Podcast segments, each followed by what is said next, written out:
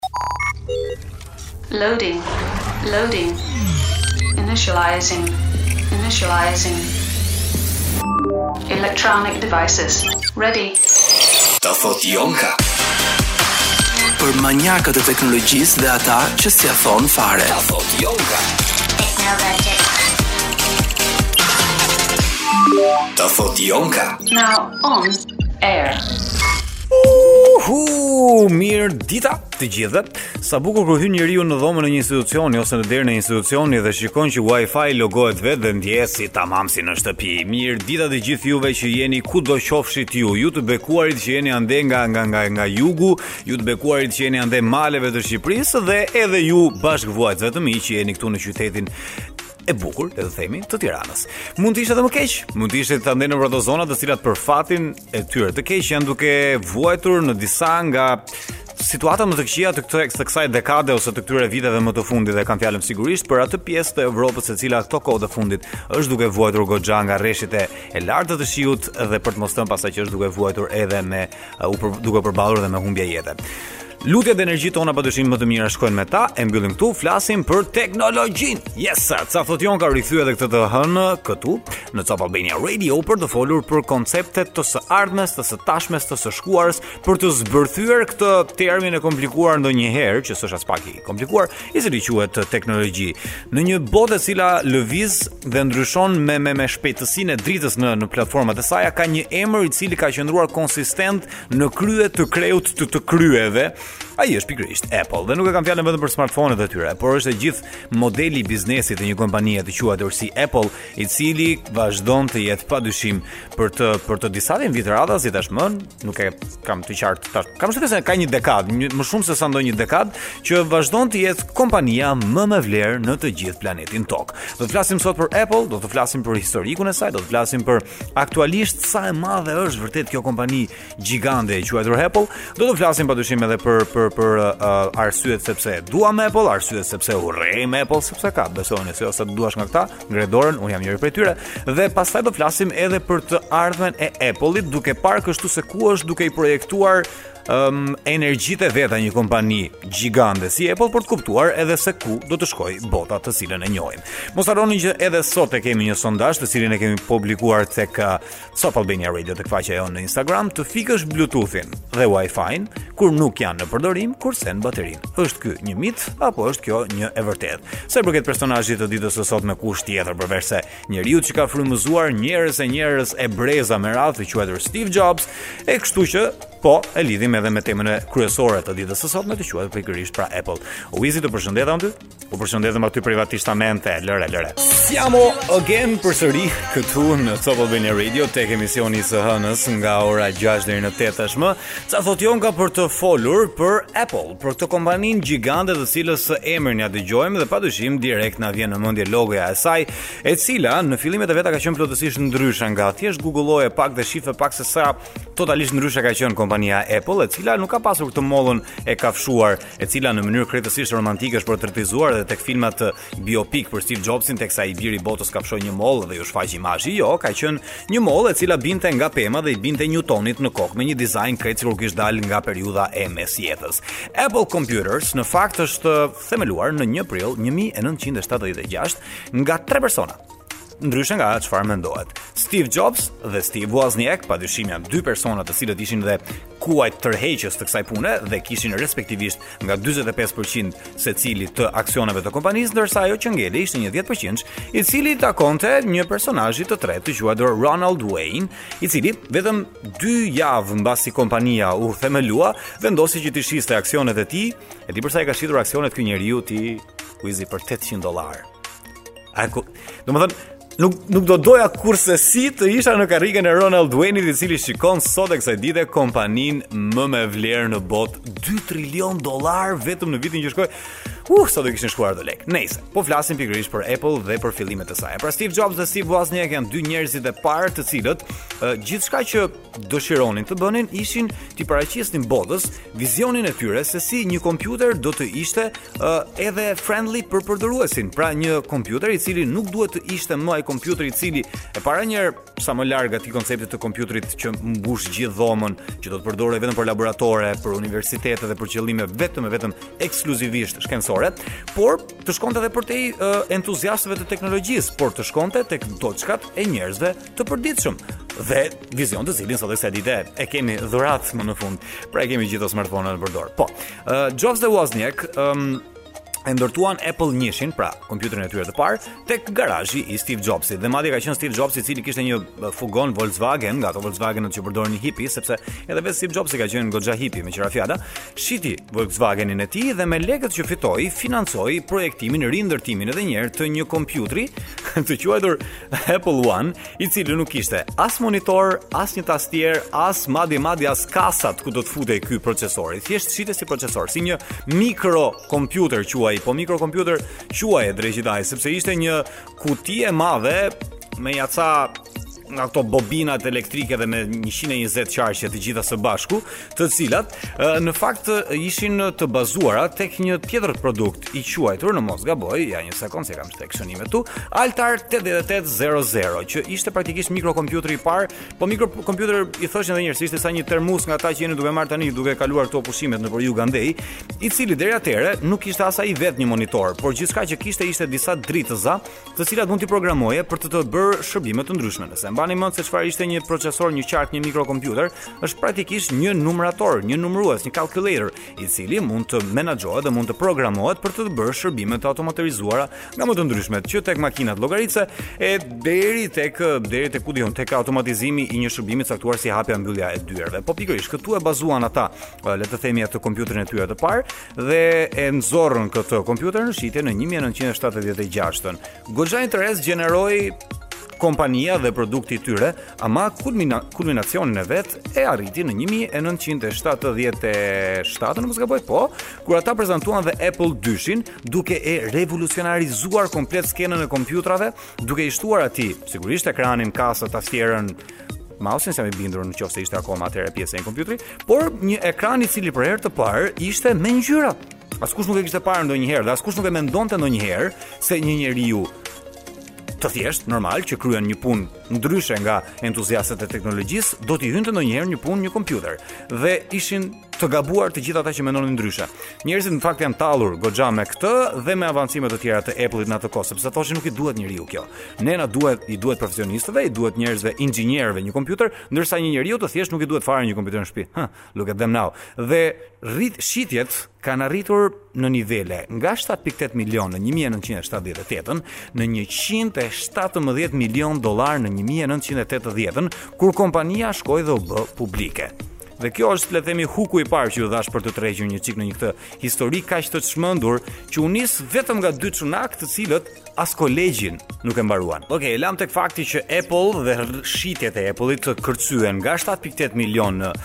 në në fillim të fare, në fillim fare derisa në në 78-ën, ndërsa arritën në 117 milion dollar në 100 1980. Ashtu, kështu bëmë lëmsh. Ndërkohë që në 83-shin kemi një moment tjetër të rëndësishëm për kompaninë sepse njëri nga dy Steve-ët, Steve Wozniak, jo Jobs, vendosi që të largohej nga kompania, pse? Sepse Apple Computers uh, Incorporation me sa duket nuk përputhej më me vizionin e tij dhe donte të kishte sfida të tjera i biri i botës. Ndërkohë që Steve Jobs, një njeri i mençur, vizioni të cilit vazhdon ende të jetojë sot në kompaninë Apple, uh, kuptoi që kishte një potencial goxha të madh në dorë, ama nga ana tjetër kishte nevojë për financime të fuqishme dhe njerëz që të menaxhonin këto financime. Nuk mjafton vetëm vizioni. Për këtë punë ai ftoi John Scully si president të kompanisë, i cili kishte punuar për PepsiCo deri në atë kohë, një lëvizje e cila në fakt i kushtoi goxha sepse i shka i kushtoi dhe vendin e tij të punës në kompani, sepse kompania dhe aksionerët e kompanisë vendosën që në 1985-ën të pushonin nga puna edhe vetë Steve Jobsin. Po, besojeni se jo, njeriu i cili e themeloi këtë kompani u largua nga puna dhe e pranoi në fund fare si si një strategji e mirë ndërtuar nga ana e njerëzve që donin ta largonin atë dhe ai tha që okay, unë jam vetëm 30 vjeç dhe kam shumë gjëra të tjera për të bërë. Dhe realisht ai kishte goxha gjëra të tjera të mëdha për të bërë sepse shkoi dhe krijoi një kompani të quajtur Next, e cila krijoi kompjuterin e parë që u përdor si server për www-in, World Wide Webin, dhe nga ana tjetër, Nexti pastaj evoloi dhe u bë një kompani softuerësh që vazhdon ende sot e kësaj dite të jetë një nga kryesoret, por themeloi dhe kompaninë Pixar që e bleu nga George Lucas nën emrin Lucasfilm, një kompani e cila u, u fokusua vetëm tek filmat e animuar dhe na dhuroi kështu kjo kompani nga doçkat e Steve Jobsit. Pra, Steve Jobsi nuk na ka dhuruar vetëm iPhone-in, Mac-un dhe shumë produkte të tjera të Apple-it. Na ka dhuruar edhe Toy Story, Bugs Life, Monsters Incorporation, Finding Nemo e shumë gjëra të tjera. Ë, uh, pastaj le të themi që pjesën tjetër të viteve 80 Apple ishte duke ecur mirë, le të themi deri në vitet 90, kjo për shkak të planeve të inkorporuara dhe të detajuara që më përpara nga ana e Steve Jobsit, kryesisht për shkak të një marrëveshjeje shumë të mirë që Steve Jobs kish bërë me një kompani tjetër të quajtur Adobe, e cila krijoi dhe PDF-n, të dyja së bashku krijuan dhe uh, desktop publishing. Çfarë është desktop uh, publishing? Duke shfrytëzuar pra mënyrën e, e menaxhimit të të, të PDF-së dhe të imazheve, duke inkorporuar aty dhe tekstin e njërën e tjetrën dhe duke nxjerr edhe një printer, emri i të cilit nuk më vjen në mendje padyshim, arritën që më në fund njerëzia, dyqanet e vogla dhe shumë njerëz të cilët nëse do donin që të printonin reklama, qoftë edhe një një një dokument, një numër, diçka duhet të shkonin tek proceset litografike, duhet të shkonin tek kompani të ndryshme. Ndërsa Apple ju propozoi, ju ofroi më në fund një mënyrë se si njerëzit vetëm me një printer dhe një kompjuter të bënin grafikat e tyre, lajmërimet e tyre dhe gjithçka tjetër të tyre çka ishte një fitore. Në 85-ën ama, me sa duket, Scully ka refuzuar një marrëveshje nga ana e Bill Gates, i cili ofroi që t'i licenconte shërbimet e Microsoft dhe sistemin e vet operativ të quajtur Windows, gjë e cila do të pendohej me kalimin e kohës sepse pas disa dekadave Microsoft u bë konkurrenti kryesor i kompanisë Apple. Dhe u desh që me kalimin e kohës, edhe kompania vetë ta pranonte humbjen e madhe që bëri dhe ofroi që ta merrte përsëri Steve Jobsin duke blerë Nextin, kompaninë të cilën i biri botës e kish krijuar për një shumë në mos gabofsha diku te 400 milion dollar, nuk e kam pak a shumë tamam të qartë idenë, duke blerë Nextin, softuerin e saj dhe Steve Jobsin në këtë mënyrë u rikthye përsëri si CEO i kompanisë, megjithatë si CEO jo tamam tamam funksional, sepse Steve Jobs pranoi të vinte përsëri në në kompani. Mori sigurisht aksionet e veta të cilat kam përshtypjen se nuk e kam të qartë nëse i shiti apo jo, por i ki, le të themi që kishte një pjesë të, të aksioneve nga ana tjetër, në pozicionin e CEO-s nuk mori kokërr leku. Tamam tamam kokërr leku jo, po mori vetëm 1 dollar në vit për të gjithë kohën e mbetur që ai u bë dhe ngeli si CEO i, i kompanisë dhe erdhi përsëri i biri botës dhe solli atë të cilën le të themi që u bë dhe kryeqendra e të gjithë Apple-it dhe ekosistemit të Apple-it, që është pikërisht macOS ose sistemi operativ, të cilin e mori le të themi nga disa versione primitive të Next-it dhe i korporoi në formën e macOS-it. Ëm um, dhe kjo ishte pikërisht momenti kur e kuptuan të gjithë potencialin e Apple-it, i cili e bazon kompaninë e vet, jo vetëm në hardware, pra jo vetëm në kompjutera kaq të mirë, koncept të cilin Sculley i PepsiCo me sa duket e kishte më më më më për zemër, por një kompani e cila e bazon revenue-n të ardhurat e saj në shërbime, në në në programe virtuale, të cilat do të ishin e ardhmja. Shikoni pak se ku jemi dreqi ta hajë. Kemi vetëm një një rrjet social të quajtur Instagram, i cili bën xhiron e botës dhe madje madje ka njerëz të cilët hanë bukë, dhe jo vetëm bukë, po edhe një çikë djathë nga ana tjetër me këtë lloj profesioni. Pra, shërbimet virtuale, shërbimet digjitale janë e ardhmja dhe një njeri kaq vizionar si Steve Jobs e kish kuptuar këtë punë. Me kalimin e kohës, ai eci drejt sfidave të tjera siç ishte dhe MP3 playeri i quajtur ndryshe iPod. Kjo është një tjetër nga momentet kryesore të rëndësishme në historinë e Apple-it, sepse kuptoi potencialin e licencimit të muzikës dhe ofrimit të një aparati i cili do të ruante të gjithë muzikën që ty të do qejfi në një aparat fare të vogël, duke lidhur me një palë kufje dhe ta çosh këtë aparatin ku të duash ti. iPodi është një nga revolucionet le të themi, sepse kur e mendon, kur e mendon, iPodin ose MP3-shin nuk është se e krijoi Apple-i, dhe licencimin e muzikës nuk është se e krijoi Apple-i, thjesht Steve Jobsi me anë të vizionit të tij gjeti mënyrën se si të kashonte, se si ta ta, ta monetizonte këtë lloj shërbimi. Dhe në këtë mënyrë prezantoi dhe iTunes-in, në të cilin të gjithë artistët do regjistroheshin dhe të gjithë përdoruesit do regjistroheshin për të paguar një fee të caktuar për ta dëgjuar muzikën në mënyrë tashmë jo më pirate. Dhe pastaj, pjesa e mbetur e e historisë së Apple-it është padyshim një histori për të studiuar një kompani e cila në 2018 arriti për herë të parë shifrën 1 trilion dollar e vetëm një vit më vonë arriti ta dyfishonte këtë shifër. Se çfarë bëhet aktualisht me Apple-in do të flasim vetëm pas pak. E ke vënë re Wizi që ky e ka shumë goxha, e ka goxha qejf rrokun dhe kulturën e rrokut. Ka bërë një live një herë ky, një live streaming gjatë kohës së pandemisë për Nirvanën, një tribut të saj që Dave Grohl, bateristi i Nirvanës në fakt iu referua si një nga gjërat më të mira të pandemisë. Nice. Nuk po flasim për Post Malone sot, po flasim për Pre Malone, po flasim për Apple-in, një kompani e cila është për, është është themeluar sikundër edhe e thamë në vitet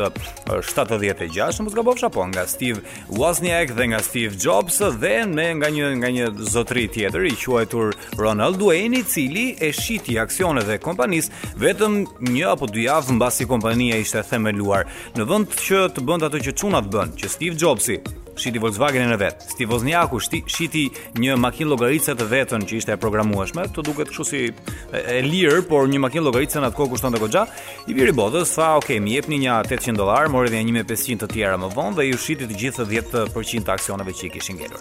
Bukur. Folëm pak për historinë e kësaj kompanie, e cila sot e kësaj dite numëron më shumë se 2 trilion dollar vlerë në treg. Po sa janë tamam tamam 2 trilion dollar? Për ta vënë kështu në perspektivë, janë më të mëdha se shumë buxhete të brendshme bruto të shumë vendeve. Do ia kalonte vlera në në, në treg e Apple-it, Italisë, Kanadasë, Rusisë, Koresë së së së së së jugut, Australisë dhe Meksikës. Ndërsa, GDP-së më të madhe të të gjithë botës, po dishim që është Shtetet e Bashkuara të Amerikës, e cila në mos gabofsha, ja një sekond se e kemi edhe um, statistikën e, e Amerikës, um, e cila është ekonomia më e madhe në të gjithë botën, përbën diku tek 9% në mos gabofsha, po, atëherë, një sekond. Përveç Amerikës kemi GDP-në globale të të gjithë botës, e cila është diku tek 87.799 trilion, kjo në 2019. Uh, pjesa e tregtisë e e mm, le të themi market cap i i, i vlera në treg e Apple-it është diku tek 2.36% e të gjithë GDP-së globale, ndërsa Nëse do krahasonim me me ekonominë e Amerikës, pra që është më e madhe në të gjithë botën, diku tek 21 trilion dollar gjithmonë në 2011-ën, Apple është 9.7% e të gjithë kësaj GDP-e. Nëse Apple do të donte, do të mund të blinte këto kompani. Mund të blinte Visën, Walmart, Johnson and Johnson, Procter and Gamble, PayPal dhe Netflix të gjitha këto uh, kompani gjigande do t'i kishte kështu bukë me djathë t'i blinte një kompani kaq e madhe sa Apple. Një kompani e cila është tashmë kompani absolutisht top sa i përket uh, stock exchange-it dhe bursës amerikane. Në qoftë se do që të investosh në Apple, është padyshim uh, kompania më e sigurt, por nga ana tjetër me aksionet më të shtrenjta. Një kompani e cila ëm um, ka tashmë duart e saj të zhytura në shumë sektorë, uh, diku tek 3 apo 4 kompani blihen gati gati çdo ditë nga ana Apple. Ajo ka uh, shtrirje madje madje edhe në industrinë e shpimit të naftës, duke ia kaluar Exxonit, që është kompania më e madhe, e cila ishte në fakt më e madhe, le të themi në dekadën më të fundit në të gjithë botën, ia ka kaluar edhe kësaj, por edhe të gjitha kompanive të tjera të shpimit të kombinuara bashkë, kam përshtypjen, nuk është statistikë e saktë kjo, por po flasim për një kompani e cila ia ka kaluar tashmë të gjithë sektorit të energjetikës për sa i përket vlerës së saj. Thënë kjo, duhet të themi që një kompani si Apple nuk është vetëm Apple, por ka nën vete dhe kompani super super të famshme si Beats Electronics dhe Beats Music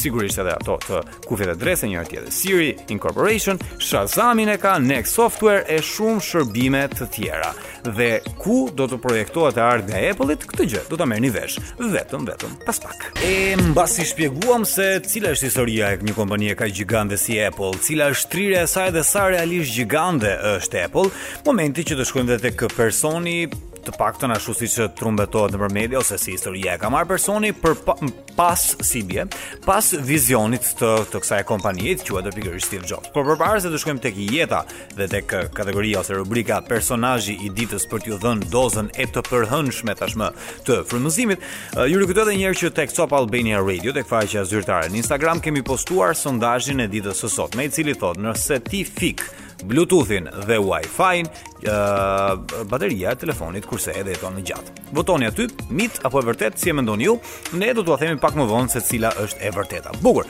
Flasim për Steve Jobs, i cili lindi në 24 shkurt 1955, i cili lindi uh, prej dy prindërve, të cilët me sa duket ishin goxha të rinj në atë kohë dhe nuk mundeshin dot që ta mbanin një fëmijë. Ndaj dhe e lanë atë në adoptim dhe ai u rrit nga Paul dhe Clara Jobs. Në 1960-ën, Familja Jobs u lëvizi dhe u shpërngul në Mountain View në Santa Clara County në Kalifornia, e cila sot e kësaj dite quhet si Silicon Valley ndryshe ose kjo laguna e silikonit e ka marrë këtë emër padyshim nga fakti që në këtë vend startupet më të mëdha dhe emrat më të mëdhenj që qeverisin botën e teknologjisë sot kanë filluar dhe vazhdon ende të ngelet një një kryeqendër e kësaj pune. Në 1968 familja, oh, më saktë është Jobsi vetë, i cili edhe pse 13 vjeç, vetëm 13 vjeç, mori punën e tij të parë në një kompani të quajtur Hewlett Packard, ndryshe siç e quajmë ne sot atë, HP. HP-ja, ajo kompania e laptopëve super e famshme. Pse e mori këtë vendin e punës? Sepse arriti që të fliste në mënyrë direkte me vet Bob Hewlett, me vet pronarin e gjithë asaj kompanie. Ë uh, në vitin 1969 në moshën 14 vjeçare ai takoi Steve Wozniak, Wozniak i cili edhe pse ishte nja 5 vjet më i madh se sa vet Steve Jobsi, kishin të dy pasionin e njëjtë për asetet elektronike, ndaj edhe i bashkoi pasioni le të themi kështu. Në 1972-shin ata filluan që të dy së bashku të shisnin blue boxes, që ishin nja dy aparate që të lejonin të bëje të jashtëligjshme, të lejonin të bëje telefonata falas. Eh, për popullin me popullin çunat që në atë kohë, në 1973-shin i biri botës shkon dhe futet tek kolegji i quajtur Reed, por mbas një semestri e la këtë punë sepse vendosi që të shkonte të udhëtonte nëpër Indi për pak kshu uh, spiritual enlightenment, për të gjetur ta mama të thirrjen e tij. U kthye më pas dhe shkoi që të jetonte në një komunitet hipish, sepse po, Steve Jobs ka qenë një hipi. Uh, më pas ai mori të mori një punë në Atari, që është një kom, një nga kompanitë le të themi uh, të parat fare pionieret sa i përket krijimit të videolojrave, por nga ana tjetër edhe të softwareve, por me sa duket i ra uh, interesimi drejt asaj pune, sikundër edhe ndodhi me universitetin. Në 1976-ën kemi daljen në fund për herë të parë të Apple njëshit um, ku i biri botës së bashku me Steve Wozniak krijuan pra edhe njëherë Apple uh, Incorporation, Apple Computers Incorporation, e më pas uh, shfaqen edhe produktet e tjera njëri pas tjetrit, në 12 dhjetor, 1980, Huh! Apple shkon në, në për publikun dhe të gjithë mund të investojnë te kjo kompani duke çuar pasurinë e një më pak se 30 vjeçari si Steve Jobs në 200 milion dhe duke bërë atë një nga njerëzit më të suksesshëm. Në 24 janar 1984 prezantohet për herë të parë Macintosh dhe në këtë mënyrë duke iu dhënë goxha goxha interes edhe të gjithë shareholdersave, të gjithë atyre që ishin të interesuar drejt uh, kompanisë Apple si një sukses i padiskutueshëm. Themelon në 17 shtator 1985 kompaninë të quajtur Next, e cila po ju flisja pak më parë, që është një kompani e cila nisi si një kompani që do të prodhonte hardware, pra vetëm kompjutra dhe në fakt një nga kompjutrat e vet u përdor edhe si serveri i parë i WWW-s, World Wide Web, apo ndryshe si e njohim internetin, por nga ana tjetër edhe caktoi themelet e um, software-ve dhe në 86-ën, në 30 janar, bleu edhe Pixar-in e cila na dha të gjitha ato filmat e animuara. Ka ende gjëra të tjera interesante dhe uh, momente historike në jetën e Steve Jobsit. Po flisim për Steve Jobsin. Për këtë njeriun i cili është vizionari i madh i Apple-it dhe Apple-i është padyshim tema kryesore e ditës së sotme dhe e lam tek fakti që Uh, Steve Jobsit i bënë një punë nga brenda, një farë grushti shteti në thonjëza nëse mund ta quajmë, të planifikuar nga njerëz të cilët ai më parë i kishte punësuar në kompaninë e tij, që ta hiqnin nga pozicioni i i, i CEO-s. Sigurisht që aksionet i biri botës vazhdonte që t'i kishte, ama nuk kishte më të drejtë që të punonte me kompaninë apo për kompaninë. Dhe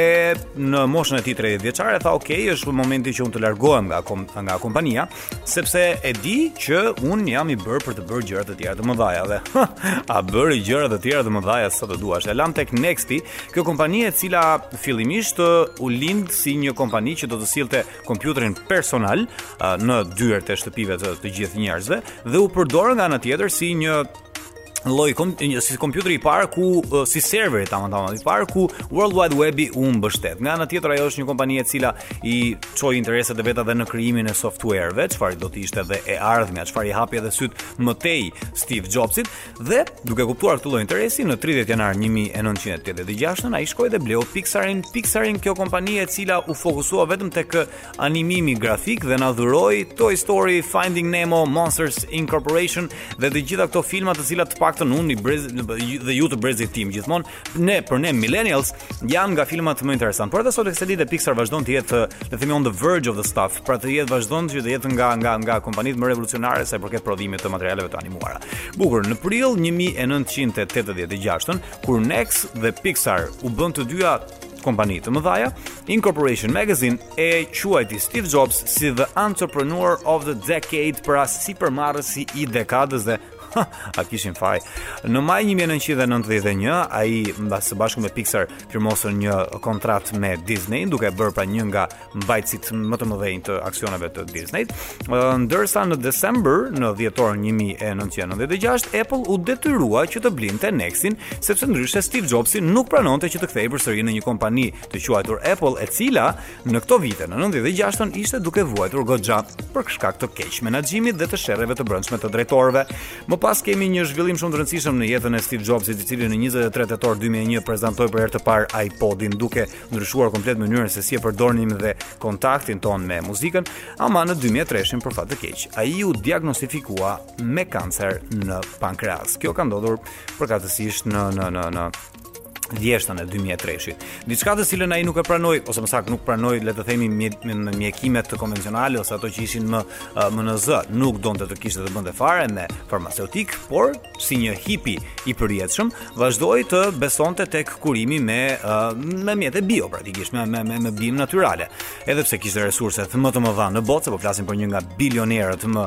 më të hershëm të botës, nuk pranoi që të shtrohej nëpër spitale. Megjithatë, në 2004, në gusht të 2004-s e bëri një farë operacioni i cili e, i shtoi ca vite, por nuk arriti dot që të të, të çonte deri në destinacionin e fundit, pra deri në shërim. Në 9 janar 2007 kemi prezantimin e këtij produkti rreth të cilit rrotullohet e gjithë bota jonë tashmë pa dyshim të quajtur iPhone dhe doli iPhone 3G-ja. Në fakt ky ishte iPhone 2G-ja, 3G-ja doli në 2008-ën. Një produkt i cili pa dyshim që do të bënte revolucion në të gjithë mënyrën se si ne komportohemi me multimedian, dhe duke ndryshuar tashmë konceptin e një telefoni nga alo alo në çfarëdo lloj gjëje tjetër që tashmë një iPhone është. Në 2009 ai bëri një transplant të mëlçisë. Megjithatë edhe kjo e ruajti le të themi shpëtoi disa javë nga nga vdekja. Në 2010-ën kemi lancimin më në fund të, I, të iPhone 4-s, gjeneratës së 4, por dhe iPad-it, duke nxjerrë kështu nga doçkat e Steve Jobs-it edhe një tjetër produkt i cili do ndryshonte mënyrën se si ne komportohemi me të gjithave, iPad-i vazhdon ende meqë ra fjala të jetë i pakonkurrueshëm në fushën e tabletëve. Në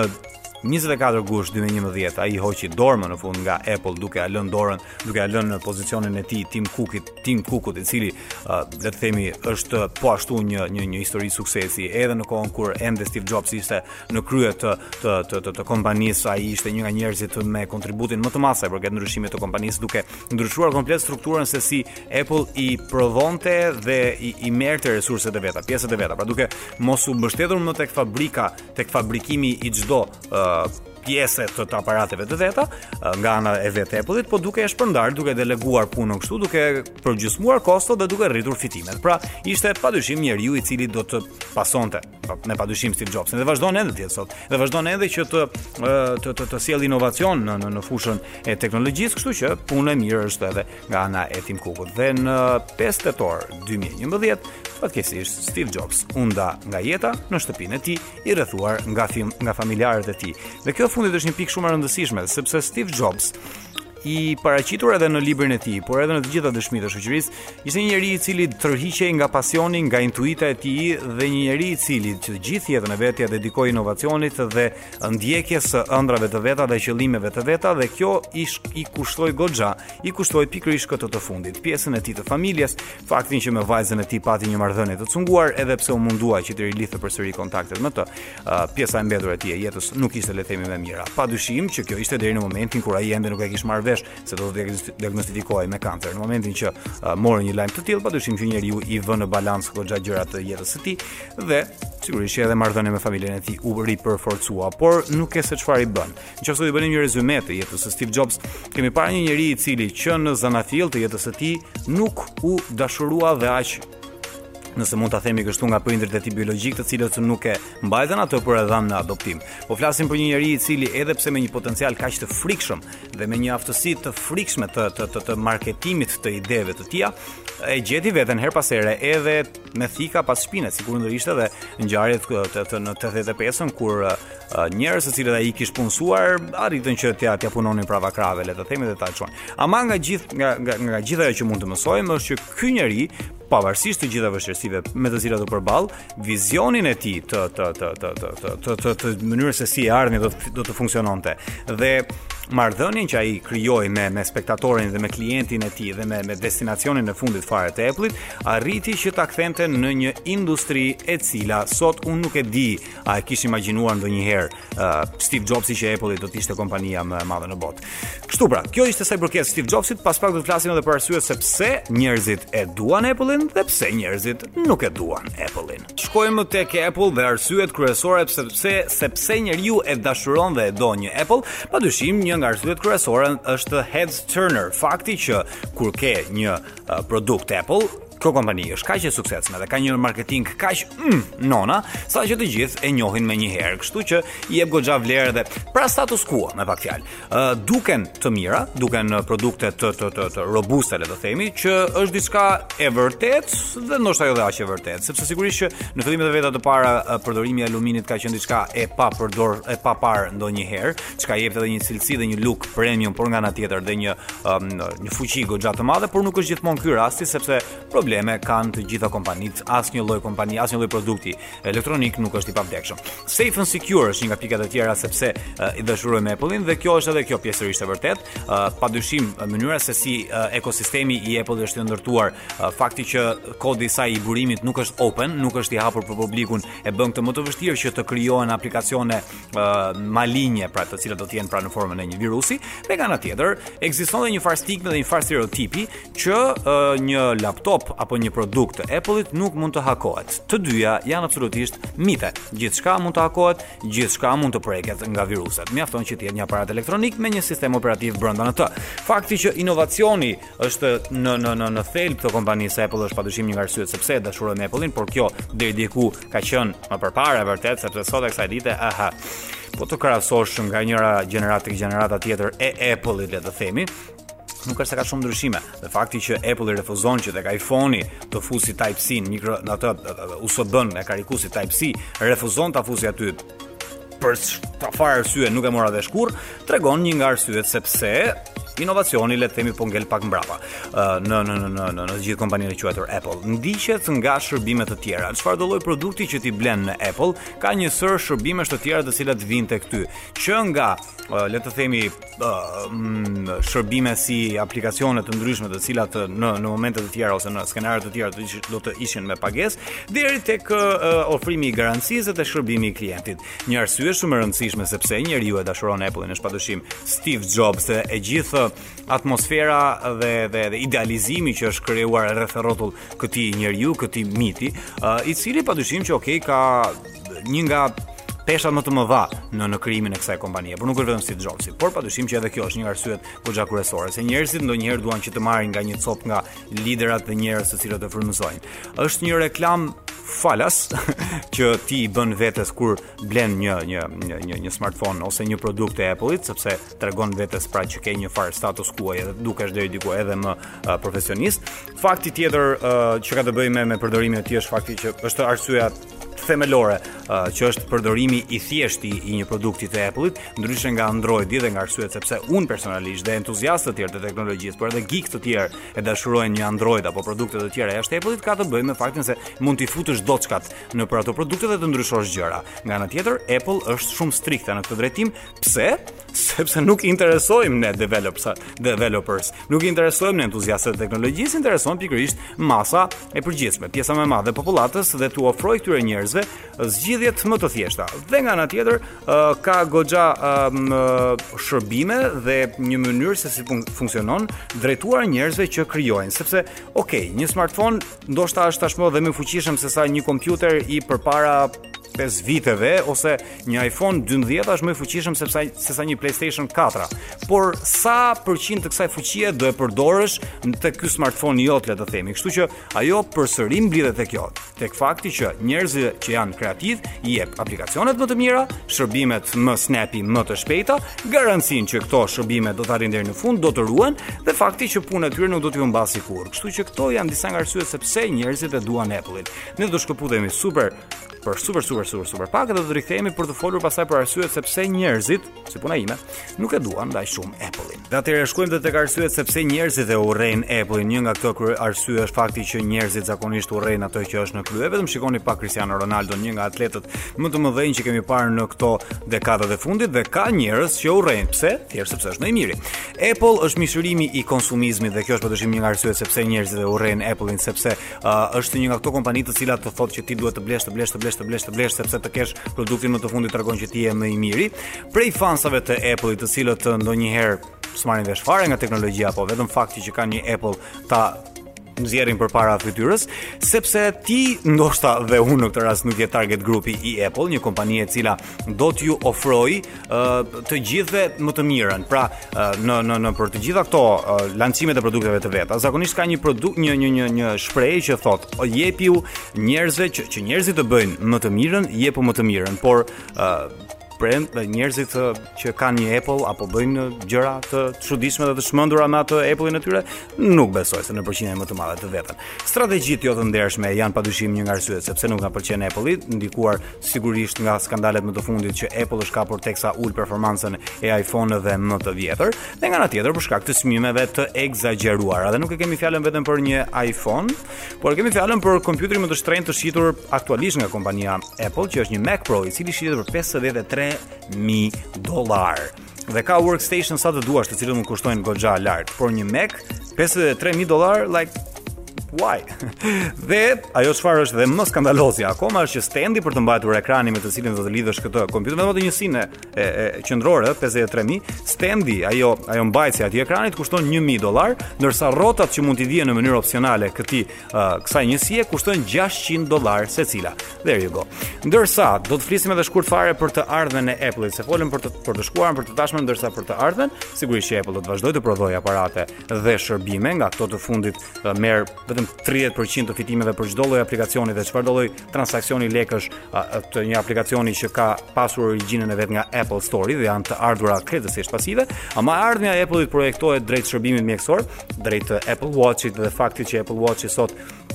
sa vjen më shumë është duke të matur uh, parametra të tjera shëndetësor, çka do të thotë se nesër në një të ardhme jo fort të largët ajo do të lidhet me doktorin tënd dhe të gjitha të dhënat e tua mjekësore do t'i ketë ai në smartphone-in e vet dhe do të thotë se çfarë po ndodh me ty dhe monitorimin e shëndetit. Tek TV-ja dhe tek filmi është padyshim një nga interesat e kompanisë e cila tashmë së fundmi ka nxjerrë platformën e vet duke blerë dhe duke hedhur lekë të frikshëm në seriale të cilat do t'i shtyjë tek uh, klienti kartat e kreditit nëse nuk e di apo jo ekzistojnë tashmë Apple lëshon karta krediti duke funksionuar tashmë si një institucion financiar dhe së fundi Apple Car duke parë vëmendjen e madhe që Tesla mori padyshim që dhe Apple duhet të tërheqë një çik dhe besojeni ose jo në 2017 Tesla, ose më saktë Elon Musk, ofroi që ta shiste Teslën Apple-it, por Tim Cook u tha që jo, nuk është kjo në interesin tonë. Ndërsa tani po lufton midis uh, Kia, Hyundai dhe kompanive të tjera që t'ia marrin projektin në dorëzim dhe, dhe t'ia ndërtojnë një makinë të vetën, të cilën jam shumë i bindur që do ta shohim bohu mbas uh, ndonjë gjysmë dekade. Bukur. Ah, okay. Sondazhi, sondazhi Wiz, ku do ikim ne pa sondazhin, sondazhin. Sot ju kemi folur, kemi pyetur në Top Albania Radio, uh, kemi thënë këtë të fikësh Bluetoothin dhe Wi-Fi-n e smartphone-it kursen baterinë e saj. Është kjo e vërtetë apo është kjo mit? 67% prej jush ka votuar që kjo është e vërtetë, 33% prej jush ka votuar që kjo është një mit. Dhe më vjen keq për ju 67%-ët, sepse ju 33%-ët që keni votuar mit, keni të drejtë. Bluetoothi dhe uh, Wi-Fi në smartphone-ët modernë, pra po flasim për një smartphone jo më të vjetër se 3 vjet këto këto kohët e fundit, nuk kursoj, nuk uh, përdorin aq bateri sa ç'do e mendoje dhe kanë sisteme inteligjente, të cilat e ndarojnë e ndalojnë konsumin e kësaj baterie, kështu që nuk është se ndikon dhe aq shumë. A, po, në rast se ti je duke e përdorur atë shërbim, qoftë se je duke përdorur Bluetooth-in, qoftë se je duke përdorur Wi-Fi-n, sigurisht që do të konsumojë sikundër edhe çdo lloj procesi tjetër. Por smartphone-et që po përdorim sot dhe procesorët e tyre janë kaq inteligjentë saqë të bëjnë një menaxhim sa më të mirë. Kjo shpjegon edhe faktin se pse Apple ka bateri shumë më të vogla se sa konkurrenca dhe ka jetëgjatësi goxha më të mirë se sa konkurrenca. Wizo, ikëm plako. Njerëz të dashur, ishte gjithçka tek ta thotë Jonka në këtë të hënë. Uroj që të jeni mirë, uroj që të jeni plazheve, gjithë të mirat takohemi të hënën tjetër. Ciao.